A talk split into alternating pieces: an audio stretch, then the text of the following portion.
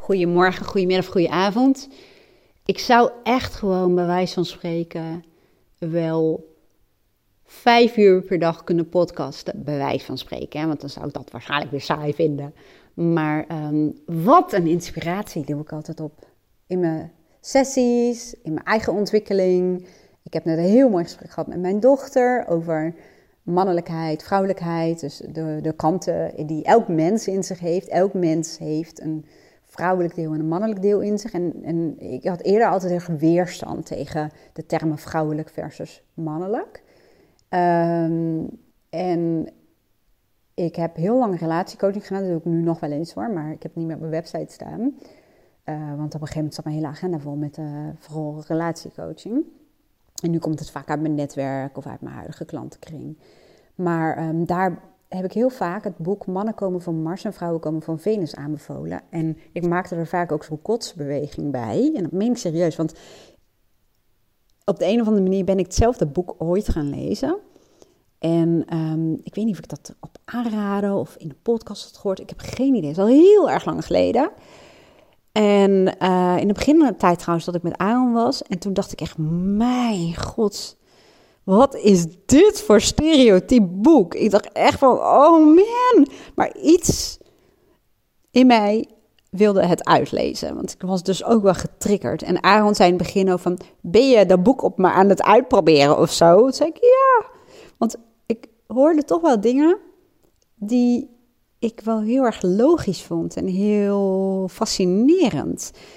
Um, de verschillen tussen mannen en vrouwen, of we nou willen of niet, biologisch gezien zijn we ook gewoon anders. Hormonaal gezien zijn we ook gewoon anders. Alleen het eerste boek van Mannen komen van Mars en Vrouw van Venus is redelijk traditioneel. En in een tijdperk geschreven waarin uh, rollen nog een stuk traditioneler waren dan nu. En ik herkende in het eerste boek ook heel veel van mezelf in het Marsdeel, het mannelijke deel. En het terugtrekken in je hol, het afstand nemen, um, niet over gevoelens kunnen praten. Ja, ik klinkt een beetje gek, ik ben coach. Hoe kan een coach nou niet over zijn gevoelens kunnen praten? Maar daar vertel ik zo meteen wel wat meer over. Maar ik zag ook heel veel Mars-neigingen, om het zo te zeggen. En dat zie je nu ook wel. In het huidige tijdperk zijn de traditionele rolverdelingen niet meer zo traditioneel. En nou zie je ook heel veel dat uh, doordat mannen vaak wat meer zorgtaken op zich nemen, hè, een belangrijke rol vaak spelen in de opvoeding van de kinderen, um, ook um, ja, een taakverdeling hebben met hun partner in het huishouden, vrouwen die buitenshuis uh, werken, met buitenshuis is nu vooral achter teams, hè, maar is dat wat ik bedoel.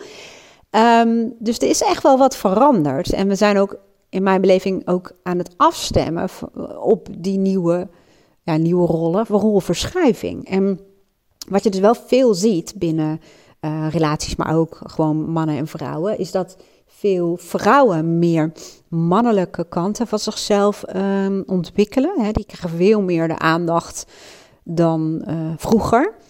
Um, er werd veel minder beroep op gedaan, om het zo te zeggen. En vice versa, bij mannen juist meer hun vrouwelijke kanten. Alleen mijn weerstand zat erop dat ik dacht, ja, maar vrouwelijke kant in een man, wordt het dan echt een heel vrouwelijk type? Nee, want een vrouwelijke kant in een man is nog steeds heel anders dan een vrouwelijke kant bij een vrouw. Omdat het hormonaal gezien heel anders werkt, biologisch gezien anders werkt. Daarom had ik een beetje aversie tegen de typeringen vrouw-man.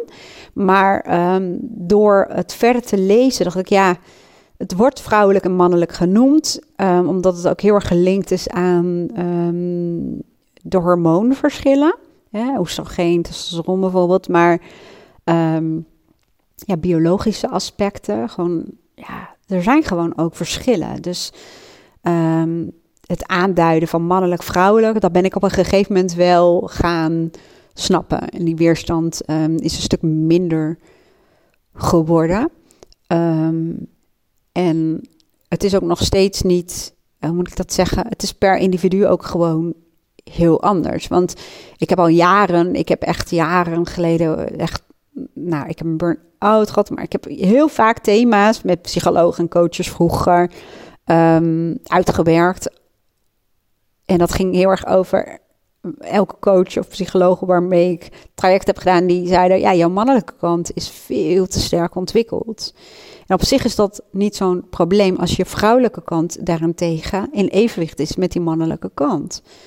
Ehm, en vaak zie je dat, dat bij bijvoorbeeld eh, vrouwen en mannen hoor, maar in mijn geval ben ik natuurlijk een vrouw, dat het vaak ontstaat in de jeugd waarop een jeugdsituatie een beroep doet op het regelen, coördineren, daadkracht, um, oplossingsgericht.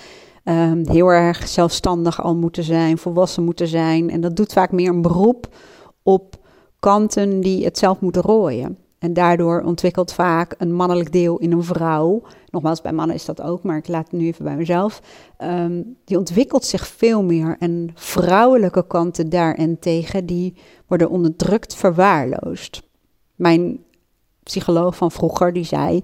Zie je been maar, je rechterbeen als mannelijk deel en je linkerbeen als vrouwelijk deel. En jouw rechterbeen, die heeft een vier keer zo grote omvang als die, dat linkerbeen. Dat bungelt erbij.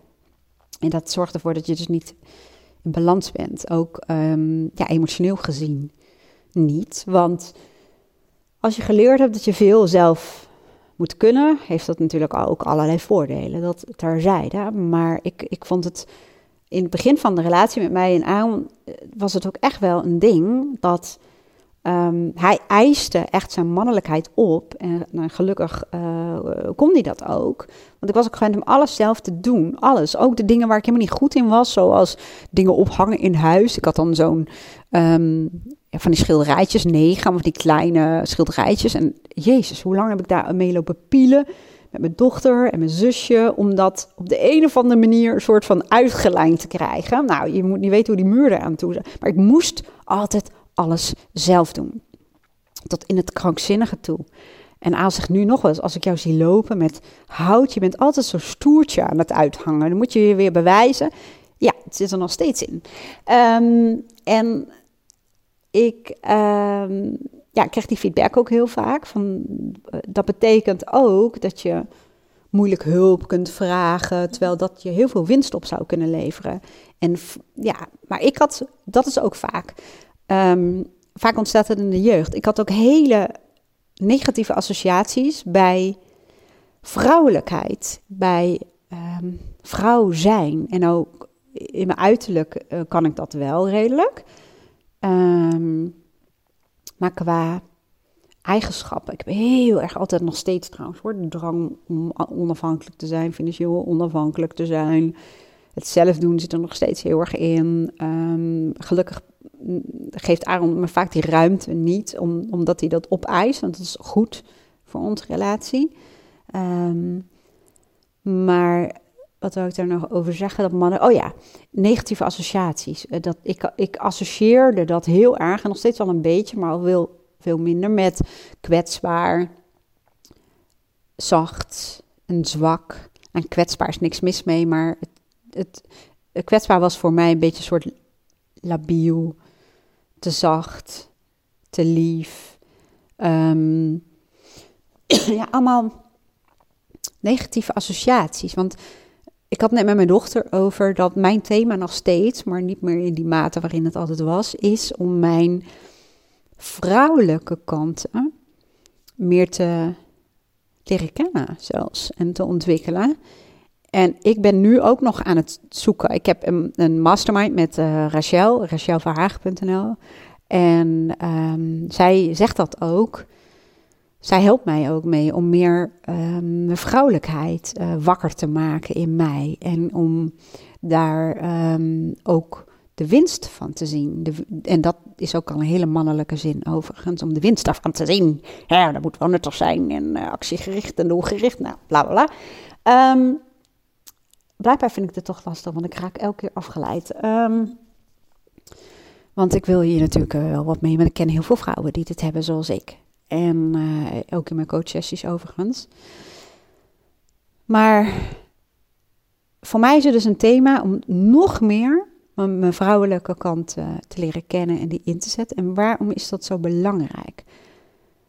Um, op heel veel levensgebieden, zakelijk, relationeel, die twee zal ik zo even uitlichten, kun je enorm veel aan hebben om een evenwicht te hebben tussen je mannelijke delen en je vrouwelijke delen. Want alles in de natuur heeft een polariteit, een, een hè, donker, licht, um, zwaar, licht, warm, koud, noem het allemaal maar op. En alles in de natuur is altijd op zoek naar evenwicht. En dat geldt in jezelf ook. En relationeel gezien merk ik, ik ben nu 13 jaar samen met Aaron. En ik merk dat ik nog steeds wel soms last heb van, um, hoe moet ik het zeggen? Hoe ga ik dat nou zeggen? Nou, ik merkte op een gegeven moment dat ik dacht, hé, hey, ik merk wat afstand tussen mij en Aaron. En dat was ook letterlijk, want hij is vaak veel buiten bezig met houthakken, weet ik het allemaal wat voor dingen. Dat zijn allemaal van die testosteronverhogende dingen. Trouwens, dat is ook wel weer grappig, maar daar ga ik het nu verder niet over hebben. Um, dat, dat zie je ook vaak in banen waarin en misschien net even wat minder beroep wordt gedaan op je intellectuele vermogens, zullen we maar zeggen. Op je, dan merk je vaak dat mannen dan, vrouwen ook hoor, thuis dat meer op gaan zoeken. Maar, um, wat wou ik nou zeggen over dat houthak? Oh ja, er is letterlijk afstand, omdat ik dan binnen de dingen bijvoorbeeld wat meer van mijn rekening neem. Want hij is aan het houthakken, de tuin aan het doen, weet ik het allemaal wat. Maar ik merk ook dat ik dacht, oh ja, dit is zo'n moment waarop ik merk, ik heb wel weer, uh, ik heb behoefte aan connectie tussen ons tweeën. Dus wij hebben gelukkig dat soort gesprekken ook. Wij, wij blijven op elkaar afstemmen. Maar ik dacht ook, dit gaat over dat mannelijke en vrouwelijke deel. Ik merkte aan mezelf, ik kan met hem soms wedstrijdje gaan doen. Ik kan heel erg mijn, uh, ik denk toch wel, ik vind het afschuwelijk om te bekennen, maar zo werkt het denk ik wel. Mijn aantrekkelijkheidsfactor, dus hoe ik eh, naar mezelf kijk, hoe ik mezelf waardeer, dat laat ik voor een groot deel heel erg afhangen ook van uh, de betekenis die ik heb voor mensen, maar ook hoe goed ik het doe. En ik merkte dat in mijn tijd als manager en ook het feit dat ik gewoon met heel veel mensen contact had en ja, gewoon heel intensief samenwerkte. Dat verhoogde mijn aantrekkelijkheidsfactor. En nu heb ik ook heel veel mensen, heel veel klanten en ook samenwerken en dat soort dingen. Maar het is wel anders. En um, ja, het is anders dat ik me soms daardoor minder die aantrekkelijk voelde dan eerder. En dat zijn van die piekmomenten. En ik merk dat ik dat bij mezelf heel erg laat link aan uh, prestatie. En uh, het is wel heel openhartig, hè? maar dat, uh, dat is ook het doel van mijn podcast. Want ik heb zoiets van, ik heb liever gewoon eerlijk zoals het is.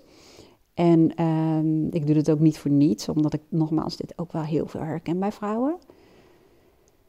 En dan ga ik een beetje een wedstrijdje doen of zo met Aaron. Niet letterlijk, maar dan voel ik in één keer, oh, ik, ik moet ook um, nog succesvoller worden. En ik moet uh, nog meer omzet met mijn academy. En uh, moet spectaculaire nieuwe dingen doen. dat heeft niks met hem te maken, maar het heeft alles te maken met wat ik dan verbind aan mijn aantrekkelijkheid of zo.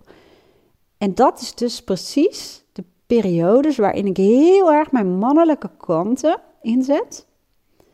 En daardoor creëer ik onbewust en onbedoeld afstand. Want eh, als, je, als ik heel erg mijn mannelijke kanten inzet en Aaron is een man, die wil in een relatie zie je ook vaak. En ik weet dat dit heel erg, hoe zeg je dat? Um, stereotyp klinkt. En dit was echt het kotsmoment van mij met het boek.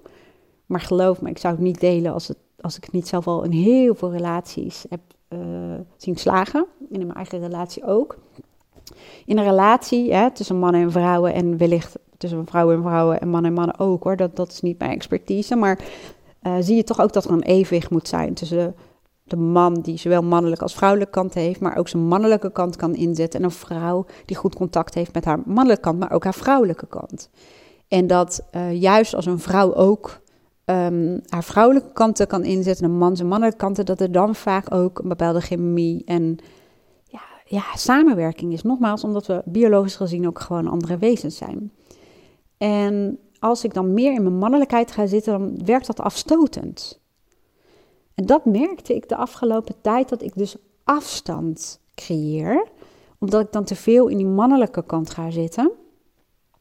En dat allemaal weer zelf wil doen en die eigen processen in mijn eigen hoofd laat plaatsvinden en daar weinig over deel. want het delen en het kunnen vertellen of praten over gevoelens, al vind ik praten over gevoelens werkt bij mij persoonlijk niet zo heel erg goed. Ik ben meer iemand die juist heel erg ondertitelt. Dus vertel wat voor processen er in mij omgaan en hoe ik er naar kijk en wat er in mij gebeurt. Dus dat is in feite zou je kunnen zeggen, oh, praten over gevoelens. Ehm, maar dat deed de afgelopen tijd uh, minder. En dan merk je echt dat je dus de connectie met iemand meer kan uh, verliezen. Of dat er wat afstand gecreëerd wordt. En dat was voor mij weer een moment waar ik dacht: oh ja, dit gaat weer, ik, ik schiet weer door in die mannelijkheid. En hoe je dat kunt oplossen, want dat voltrekt zich ook zakelijk. Zakelijk ben je er ook enorm bij gebaat om in jezelf zowel mannelijke als vrouwelijke kanten te kunnen gebruiken. En in coach sessies heb ik die echt de briljante balans, ideale balans. Tussen structuur, doelgerichtheid, um, pragmatisme, um, helderheid. Um, ja, dat.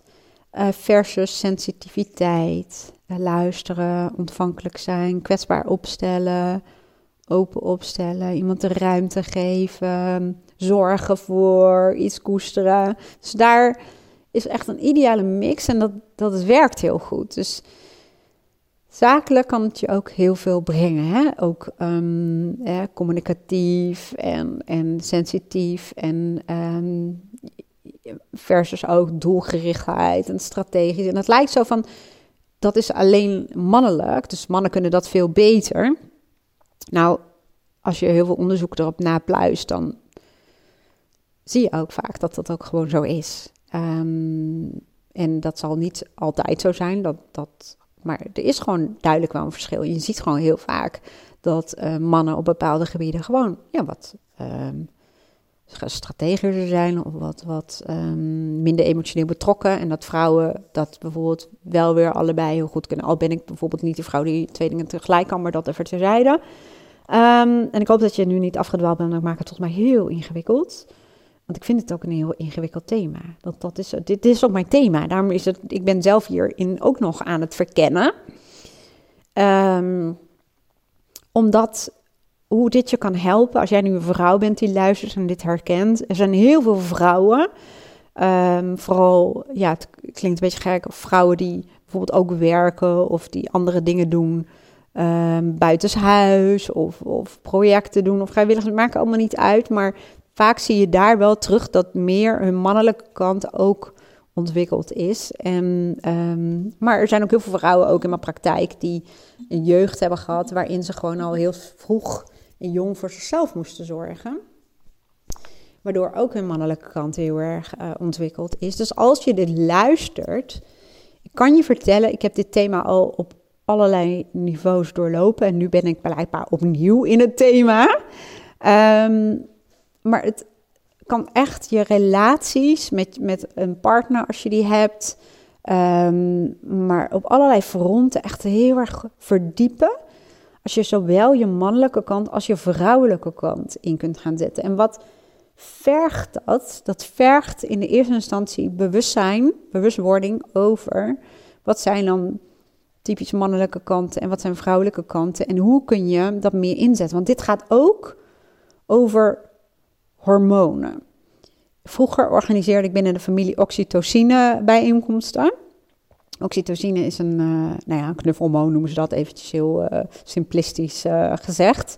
Um, oxytocine wordt bijvoorbeeld aangemaakt um, als je een babytje hebt of als je um, de kat of de hond knuffelt, als je contact met elkaar maakt, als, als je zorgt voor iemand, als je nou, mensen aanraakt dan wordt oxytocine aangemaakt.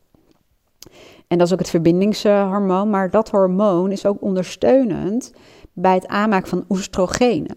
En oestrogenen is het typische vrouwelijke hormoon. Natuurlijk is dat veel complexer dan alleen maar uh, dit woord. Maar um, ja, oestrogeen is echt het voorbeeld van een uh, vrouwelijk hormoon. En je vrouwelijke kanten leren kennen en meer contact daarmee hebben, het meer ontwikkelen, dus voor meer evenwicht zorgen, helpt, uh, kun je doen door bijvoorbeeld ook je oestrogeengehalte te verhogen. En dat doe je door oestrogeen uh, verhogende activiteiten. En wat is dat? Bijvoorbeeld wat ik net heb gedaan met mijn dochter, uh, bellen. Ehm, dat is typisch een activiteit die de oestrogenen verhoogt. Maar ook uh, knuffelen met onze katten, wat ik best wel vaak doe, terwijl ik eerder helemaal geen huisdieren wilde. Dat zorgt weer voor de aanmaak van oxytocine en dat helpt weer oestrogenen aanmaken. Um, maar dat is dus iets, uh, zoek naar activiteiten. Je kunt het ook googlen, je kunt het in het boek uh, Marnon komen van Mars Vrouw van Venus. En ik ben dan nu het, de opvolger aan het lezen die veel meer gericht is op het huidige tijdperk. Volgens mij heet dat Voorbij Mannen, Voorbij Venus en Mars of zoiets. Ik zet wel even de, linkjes hieronder, want ik ben heel slecht in titels. maar daarin vertelt, um, in het luisterboek Babette van Veen, die leest dat voor, die vertelt over testosteronverhogende activiteiten en oestrogeenverhogende activiteiten. En um, ook leren kennen van wat zijn dan typische vrouwelijke kanten? Waar staat het voor? Wat is het? Door bewustwording, door een beeld te vormen van, oh ja, hier gaat het over. Kun je het in jezelf ontwikkelen? En voor iedereen is dat anders. Rachel zei bijvoorbeeld tegen mij: kleedje is wat vrouwelijker. En uh, probeer het eens. Ga eens experimenteren met jurken of wat vaker rokjes aan doen. En voor de een die zegt, oh, dat ga ik echt niet doen. Maar het kan helpen. Gisteren deed ik bijvoorbeeld armbanden om en een ketting om. En eh, ik voelde me net zo'n kerstboom. Maar door gewoon eens te kijken, door daarmee te spelen, wat dat met je doet. Dan alleen al dat je de associatie hebt met dat het dus uh, vrouwelijk is. Hè? Het gaat om associaties, want een vindt dat wel vrouwelijk en de ander niet. Maar gewoon spelen. Ik heb ook eens een tijdje geprobeerd mijn nagels te lakken. Vind ik ook wel vrouwelijk, maar dat werkt voor geen meter bij mij. Binnen drie uur, uh, dan ziet het er echt absoluut niet meer uit. Um, en dat heeft ook te maken met dat ik uh, qua spelen vroeger was ik hier ook allemaal van die jongensachtige dingen. Maar ook Barbies trouwens en poppen. Maar crossfietsen in de struikenhutten. Um, en nog steeds heb ik die neiging dus nagelakt. Dat, dat is niet zo'n goed experiment bij mij. Um, maar ja, mijn dochter zei net, en dat is wel leuk om dan misschien maar mee af te sluiten. Mijn dochter zei net, weet je wat ook helpt, mam? Dat trouwens ook, want even heel wat anders nog. Als je een moeder hebt zoals ik, dus die heel erg in haar mannelijkheid zag en ik zelf redden en onafhankelijk en carrière gedreven en la en alles zelf doen. Had ik al gezegd, zes keer geloof ik, maakt niet uit. Maar dan geef je je kind, mijn dochter in dit geval, vaak veel te weinig de ruimte om haar eigen mannelijke kanten te ontwikkelen. Nou, heeft mijn dochter toevallig ook best wel wat hindernissen in haar jeugd gehad, om ze alles gezegd. Dus bij haar zijn ook mannelijke kanten uh, ontwikkeld. En die zie ik haar namelijk heel veel inzetten. Ze kan heel doelgericht en, en dingen aanpakken en ergens helemaal voor gaan staan en de zelfverzekerdheid. In bepaalde opzichten zie ik juist weer dat ze soms dan wat ik in mijn mannelijkheid kan doen, doorschieten, heeft zij eerder in de vrouwelijke kant. In situaties waar ik denk, oh ja, daarin zou je juist die mannelijke kanten van jou heel erg kunnen gebruiken. Dus dat is ook evenwicht zoeken in welke situaties kun je van allebei de kanten profiteren. En ik heb datzelfde, alleen bij mij is het de andere kant op. Zij kan bijvoorbeeld heel goed koken. En zij doet het met aandacht. Ze doet het met zorg. En ze doet het met liefde. En als ik kook, dan hebben we te eten. En het is gezond. Punt. En Aan zegt ook altijd: Oh, echt waar. Ah, hij zegt, als we een rijstgerecht eten, dat is favoriet op verjaardagen, zegt hij dan is altijd maar afwachten bij Wendy of je ook echt rijst erbij krijgt. Want vaak is ze dan weer dat aan het doen, of ze is iets aan het regelen, of de laptop is erbij, en, of ze is een podcast aan het opnemen. En dan heeft ze van alles gemaakt, ze vergeten de rijst erbij te doen, of de rijstpan aan te zetten, of die überhaupt te vullen met rijst. Um, en, um, oh ja, dat was daar wou ik mee afsluiten afsluiten gaat bij mij in fases, dat merk je. Maar mijn dochter zei op een gegeven moment, mam, wat je ook eens zou kunnen doen, als je meer uh, je vrouwelijkheid wil uh, ontdekken, meer je vrouwelijke kant aan het werk wil zetten, zullen we maar zeggen, ga dan vanavond eens koken met je volle aandacht. Blijf in de keuken, zei ze. Blijf in de keuken. Richt je aandacht op het eten. Doe het met aandacht en met liefde en zorg dat je alleen maar gaat koken. Toen werd het stil en toen zei ik: Weet je wat voor beeld nu in mij opkomt? Ik zie mezelf staan in de keuken met een riempje die vastgemaakt is aan de keuken. En ik voel heel veel weerstand. En dat is interessant. We moesten heel hard lachen. Gaan daarna nog even over door gaan praten. Maar zie je hoe je onbewust. Ze zei ook, oh, wat een weerstand. Maar hoe je onbewust associaties kunt hebben. En wat er voor rebelsigheid, zeg maar, in mij in opstand kwam. En daar gaat dit ook over. Nu is het net alsof ik echt uh, totaal geen toegang heb met, oh, tot mijn vrouwelijke kant. Dat is het absoluut niet. Hoor. Je had jaren geleden moeten zien. Maar het is nog steeds wel een thema. En je ziet dat associaties, onbewuste associaties, wat die kunnen doen. Ik heb het één keer eerder gehad en dat is dan fase 3 van het afsluiten. Toen waren we op een windsportvakantie met, mijn, uh, met Aaron en uh, mijn stiefmoeder, mijn vader en een oom en tante. En toen waren we daar en um, een van, van, van de vrouwen die zei: Kom, dan gaan wij koken. En dan gaan wij als vrouwen iets, uh, gaan wij koken en dan zorgen we voor dit en dit. Nou, ik kwam me in opstand. Echt, ik, ik reageerde zo overtrokken. Ik ging dat niet doen. En um, ik, ja, er kwam een opstand dat ik echt dacht: wow, hier wordt zo stereotyp neergezet wat een man hoort te doen en wat een vrouw hoort te doen. Hier werk ik niet aan mee. Was jaren geleden hoor. Toen was ik helemaal nog niet zo ver in dat soort dingen als nu, maar um, lang voor mijn coaching. Maar dat, dat symboliseert ook, um, nou nogmaals, je associatie. Wat ik destijds toen had bij het vrouwelijk-mannelijk. En ik weet als klein meisje ik wou altijd crossfietsen. En um, ik kreeg geen crossfiets. Oh, wat zielig, ik kreeg geen crossfiets. En uh, ik had allemaal uh, vriendjes en zo waar ik ook mee omging. Uh, gewoon vriendjes hè? en vriendinnetjes. En ik mocht altijd crossfietsen lenen. Dus dat was leuk. Maar um, ik vond heel vaak de typische meisjesdingen gewoon heel erg uber saai. En ik kwam heel vaak in opstand. En dan kon ik heel, kon heel driftig zijn. Iedereen denkt altijd, Wendy? Ja, nou, je wil niet weten. Maar um, dan kwam ik in opstand. En dan was ik echt heel sikkeneurig. En, dus dat, dat speelde als klein meisje al. En dan zie je hoe dat als volwassen vrouw, ik ben nu 46, dus dan zullen we zeggen dat ik officieel wel volwassen ben. Hoe dat thema nog steeds een uitwerking kan hebben in je huidige leven. En nou heb ik dit nogmaals al veel vaker als thema, um, ja, moet ik het zeggen, doorgemaakt of een verandering in trans, ja, transformatie. Ik ben hier echt wel heel duidelijk in veranderd. Maar je ziet nog steeds dat het dan de kop op kan steken. En um, dat het evenwicht inderdaad tussen die, die mannelijk, typisch mannelijke vrouwelijke kanten, dat dat toch iets is wat ja, wel belangrijk is. En wat je echt weer verder kan brengen. Nou, ik kan hier nog heel lang over lullen. En ik merk um, dat ik, vind het heel fascinerend. En waarom vind ik het fascinerend? Omdat ik nu al kleine dingen getuned heb.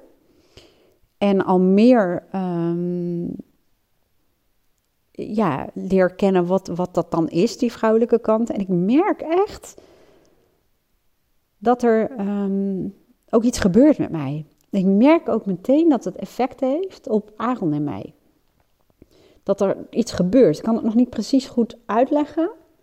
Maar hoe meer ik dat in mezelf uh, toesta en uh, niet doorsla in die mannelijkheid, er gebeurt meteen wat in de connectie, in de verbinding. En dat is wel heel gaaf. En dat is eigenlijk ook de intentie die ik had met het delen van dit voor de podcast. Um, omdat ik hoop dat het jou ook inspireert. En het kan net zo goed de andere kant op gaan. Andersom werkt dat natuurlijk ook. Um, als een man op de een of andere manier meer vrouwelijke kanten heeft ontwikkeld, of dat die wat sterker zijn, nou, dat kan namelijk ook in de jeugd zijn ontstaan. Dan kan het zijn dat een man juist meer tot zijn recht komt als hij meer zijn mannelijke delen aanspreekt. Dat is namelijk ook heel erg mooi. En dat hoeft niet eens in de jeugd te zijn ontstaan. Dat kan ook zijn dat je in een baan zit waarin er te weinig een beroep wordt gedaan op die mannelijke kant. En met testosteron is het ook zo, wat niet wordt gebruikt, wordt niet aangemaakt. Net als mannen die, ehm, hoe heet dat nou? Stereo, hoe heet dat nou? Ik, in elk geval, als ze gaan sporten, gebruiken ze dingetjes om hun testosteron te verhogen. Ik ben even de naam kwijt. En ehm, je ziet ook, op een gegeven moment gaan hun testikels ook krimpen omdat de productie van testosteron hoeft minder zelf aangemaakt te worden, omdat dat van een externe bron komt. En met testosteron is dat, en oestrogeen ook, uh, wat niet gebruikt wordt, wordt gewoon niet meer uh, in die voorraad aangemaakt. En als dat bijvoorbeeld in je baan te weinig naar voren komt, dan, dan zie je zo ook dat je dat op andere manieren aan kunt vullen en dat je dan meer tot je recht komt. En dat je uh, letterlijk en figuurlijk beter in evenwicht bent. Volgens mij heb ik al zes keer gezegd dat ik af ging sluiten en ben ik dat gewoon niet aan het doen. Nou, je ziet, het is een fascinerend onderwerp voor mij. Wil je zelf hier meer mee doen? Um, het klinkt gek door te zeggen, ja, maar dan kan ik toch geen sessie bij jou boeken als het ook jouw thema is. Nou, ik heb veel vrouwen die ik hier op coach, dat kan dus echt wel. Um, dat maakt dat ook soms juist hartstikke leuk. Maar je kunt ook gewoon die boeken lezen die ik heb gelezen. En daarvan zet ik wel even de linkjes hieronder. En of ik hier online programma's over heb? Nee, nee, dat heb ik niet. Um, wat ik zelf hiervoor wel gebruik, is toch voice dialogue. Want binnen de voice dialogue, hè, dat zijn die verschillende persoonlijkheidskanten, heb je ook te maken met uh, meer mannelijke kanten en meer uh, vrouwelijke kanten. En dat is ook al leuk om te kijken. Hoe zit jouw persoonlijkheid in elkaar? Welke kanten zijn primair of dominant in je persoonlijkheid? Nou, bij mij kun je al wel verwachten, dat zijn de meer mannelijke kanten. En wat zijn dan de meer vrouwelijke kanten? Wat zijn het dan voor kanten en hoe kun je die wat meer inzetten, zodat er wat meer evenwicht komt in je persoonlijkheid en daarmee ook vaak in je leven. Dus dat is het enige wat ik kan aanbieden als je iets online bij me zou uh, willen doen, wat, wat je hierbij zou kunnen helpen. Nou, ik hoop dat je er wat aan had. Ik wens je echt een hele mooie dag en heel graag tot de volgende podcast. Doei!